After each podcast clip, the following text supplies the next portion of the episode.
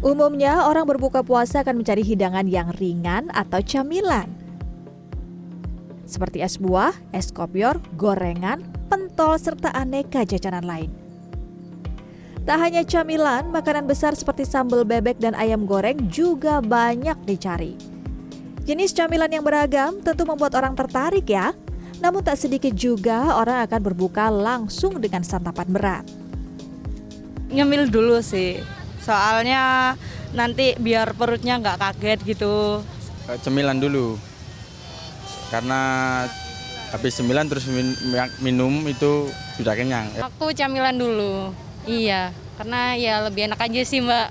Soalnya kan kalau berat langsung kan perutnya langsung kayak penuh gitu. Kalau aku sih mending ke makan berat sih, langsung ke makan berat ya langsung kenyang, terus bisa langsung teraweh kan. Sebenarnya pilihan untuk berbuka dengan camilan terlebih dahulu atau santap berat tak ada yang salah. Namun, menurut Ketua Asosiasi Nutrisionis Indonesia Andrianto, lebih disarankan untuk mengkonsumsi takjil atau sajian yang ringan dan manis terlebih dahulu. Sebab jika langsung mengkonsumsi makanan berat bisa menyebabkan shock metabolisme. Dengan shock metabolisme, bagi orang-orang yang yang terbiasa langsung makan berat mungkin tidak ada masalah, pada perutnya, tetapi dalam orang-orang uh, tertentu ketika lambung dalam keadaan kosong tiba-tiba langsung diisi uh, jenis gizi tertentu, maka bisa jadi dia akan menjadi uh, bereaksi mules gitu, bereaksi diare dan sebagainya. Jenis camilan yang disarankan juga bukan gorengan. Sebab ketika mengkonsumsi gorengan, maka energinya terlalu tinggi untuk mencerna.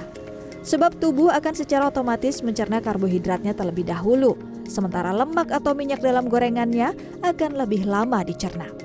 Padahal setelah makan gorengan, biasanya orang cenderung akan makan besar untuk hidangan selanjutnya.